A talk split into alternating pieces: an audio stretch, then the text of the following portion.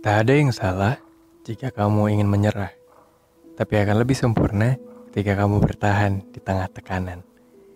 Saya Aaron Wijaya, welcome back to Rain's Fit Podcast, Talk to Myself, dan kali ini kita akan ngebahas tentang bertahan di tengah tekanan.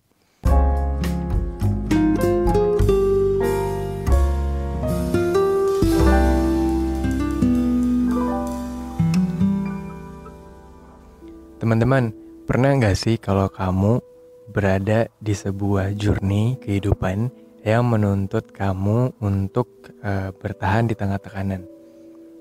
Ini tuh bisa jadi karena kamu ingin mendapatkan sesuatu, atau kamu telah memimpikan sesuatu, atau karena kamu memang memiliki tujuan yang jelas di dalam hidupmu. Tapi kan pastinya dalam mencapai tujuan tersebut, itu nggak semudah yang kita impikan, nggak semudah yang kita omongkan. Dan nggak semudah kamu juga dengerin podcast ini gitu loh. ah dengerin podcast ini juga harus pakai kuota, eh pakai wifi ya. Oke oke. Nah, memang sih nggak ada yang salah kalau misalnya kamu pingin uh, nyerah. Kenapa? Ya capek.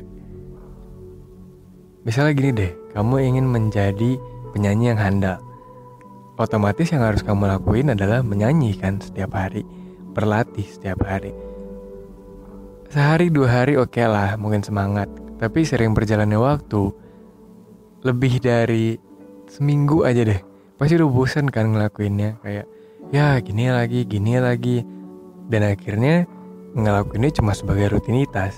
Dan gak ada hati ditaruh di situ. Iya ujung-ujungnya juga, ya mungkin bakal jadi penyanyi, tapi gak bakal jadi penyanyi handal Tentunya nggak mau dong kalau misalnya sesuatu terjadi yang seperti itu. Maka dari itu tadi aku bilang akan lebih sempurna ketika kita bisa bertahan di tengah tekanan. Memang sulit, tapi bercobalah untuk bertahan. Kenapa? Karena biasanya ide-ide kreatif, ide-ide yang menakjubkan, dan ide-ide yang spektakuler itu bakalan muncul dari situasi yang tidak mengenakan, dari situasi yang tertekan, dan dari situasi yang paling gak enak sama sekali. Tapi akhirnya kamu bisa adjust, kamu bisa menyesuaikan dengan apa yang ada. Dan akhirnya kamu berpikir kalau, oke, okay, untuk mencapai mimpi gue, gue harus menggunakan dan gue harus memanfaatkan semuanya apa yang ada. Dan apa pun caranya, itu harus bisa dengan semua yang gue miliki. So, itu bakal lebih mendorong kalian untuk menyelesaikan tugas kalian dan menyelesaikan uh, mimpi yang udah kalian buat itu sama sih ketika kalian dengar semua cerita-cerita motivasi nggak ada kan yang cerita motivasi di awalnya hidup senang-senang terus akhirnya dia berhasil. Well mungkin ada kali ya cuma mungkin dia nggak bakalan merasakan yang namanya bersusah payahnya berjari lelahnya dan itu menjadikan sesuatu yang memorable diingat sampai kapan pun dan bangga untuk diceritain ke orang-orang. Semuanya tuh cerita keberhasilan semua cerita mimpi yang tercapai ya dimulai dari hal-hal yang biasa terus kemudian masuk ke hal susah dan proses mereka melewati hal-hal susah tersebut karena proses tersebut lagi yang membentuk kamu sampai mendapatkan apa yang kamu inginkan. Iya ketika untuk mendapatkan achievement tersebut ya mungkin dirasakan ya hanya sehari. Kayak oke okay, kamu dapat penghargaan ini, oke okay, kamu dapat penghargaan itu. Tapi itu cuma di, dikasih tahu selama sehari dan hype-nya juga mungkin bakalan bisa hilang dalam waktu paling lama tiga bulan ke depan lah. Tapi yang namanya proses, yang namanya perubahan dan uh, justifikasi itu bakalan kalian rasakan sampai selama-lamanya. So that's why bertahan di tengah tekanan itu menjadi hal yang paling sulit untuk dilakukan tapi akan berbuah besar nantinya. Seseorang pernah berkata juga, jus jeruk itu lebih mahal daripada jeruknya sendiri. Oleh karena itu, seharusnya sang jeruk, si buah jeruk ini, berterima kasih kepada orang yang telah memerasnya dan orang yang telah menekannya. Justru ketika jeruk tersebut dibejek, diperes, dia akan mengeluarkan sari-sari dan bisa dinikmati orang lebih lagi daripada dia cuma sebagai jus jeruk. Coba deh cari jeruk coba deh cari harga jeruk, terus juga cari harga jus jeruk. Ini harga jus jeruk yang asli ya, bukan yang bukan yang sintetis atau yang tiruan mungkin yang bakal dapat lebih murah. Well I know ini tuh nggak semudah seperti apa yang kita omongkan dan nggak semudah seperti apa yang kita bayangkan. Maka dari itu aku mau ngasih tahu tips-tipsnya nih. Dan mungkin ini juga nggak bisa diterapkan langsung dan nggak untuk semua orang tapi kamu bisa milih mana yang bisa diterapin ke dalam kehidupan ke, ke kehidupan kamu? Yang paling pertama itu adalah jangan pernah ikut-ikutan tanpa punya tujuan yang jelas. Milikilah tujuan yang jelas tentang mengapa kita melakukan hal ini pertama kali dan mengapa kita memulai hal tersebut. Sehingga ketika tekanan itu datang, ketika rasa capek itu datang, bosan itu datang, kita bisa bertahan. Ini tuh hal basic yang paling bisa kita lakukan, paling bisa semuanya lakukan dengan memiliki tujuan. Berorientasi pada tujuan juga akan semakin menyemangatimu ketika rasa burnout itu datang. Yang kedua, tipsnya itu jangan pernah lakukan sendirian Ketika kamu melakukannya sendirian, maka kamu akan lebih mudah untuk menyerah.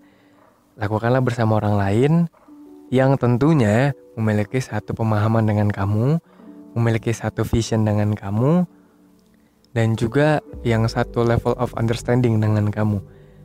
Kalau memang mimpinya itu untuk diri kamu sendiri, ya mungkin kamu nggak bisa sih, maksudnya nyuruh orang yang harus bersama-sama untuk menggapai mimpimu karena ya semua orang punya mimpi masing-masing tapi at least kamu harus berada di antara orang-orang yang memiliki mimpi yang sama. Gitu. At least kurang lebih ya 75% sama lah kalau memang nggak bisa 100% sama. Kenapa? Karena ketika kamu mengetahui bahwa ada orang lain yang sedang berjuang untuk hal yang sama, maka kamu bisa merasakan kayak, eh dia aja masih mau berjuang loh. Kenapa aku harus berhenti sampai di sini? Terus juga untuk mendukung hal ini, um, hal yang harus kamu tinggalkan itu adalah orang-orang yang berpikiran negatif, pesimis, yang menakut-nakuti, menghina, dan yang memadamkan semangatmu. Kita ngerti kalau kritik itu bisa datang dalam berbagai bentuk, tapi itu haknya kita untuk memilah kritik tersebut dan mengubahnya menjadi energi, semangat yang bakalan menuju pada mimpi yang mau kamu capai. Tips yang ketiga itu jangan hanya bermodal nekat tanpa perencanaan. Perlu perencanaan untuk target yang jarak panjang. Ini tuh lebih ke untuk long term plan. Misalnya kamu 10 tahun dari sekarang ingin apa dan bagaimana cara kamu untuk mendapatkan hal tersebut. Kalau misalnya hanya untuk short term plan, mungkin it's okay untuk modal nekat. Tapi untuk long term plan, it's a big no to do that. Stubborn yes, stupid no. If you fail to plan, you plan to fail. Uh, Oke, okay, aku bahas Indonesiain. Kita boleh untuk keras kepala, tapi at least kita harus ada isinya gitu loh. Kita ngerti kenapa kita keras kepala dan kenapa kita mau ngelakuin tersebut, biarpun ya berdarah-darah gitu loh di, pertengah, di tengah perjalanan. Tapi yang namanya stupid, yang namanya kebodohan, yang namanya keras kepala tapi bodoh itu bakal membuat kita diketawain sih sama orang-orang. So itu dia mungkin tiga tips yang bisa kita terapin dan semangat untuk melatih endurance-nya, daya tahan kamu dan juga pasang target. Dan saya Arin Wijaya dari akun @transfit boleh pamit. Dadah.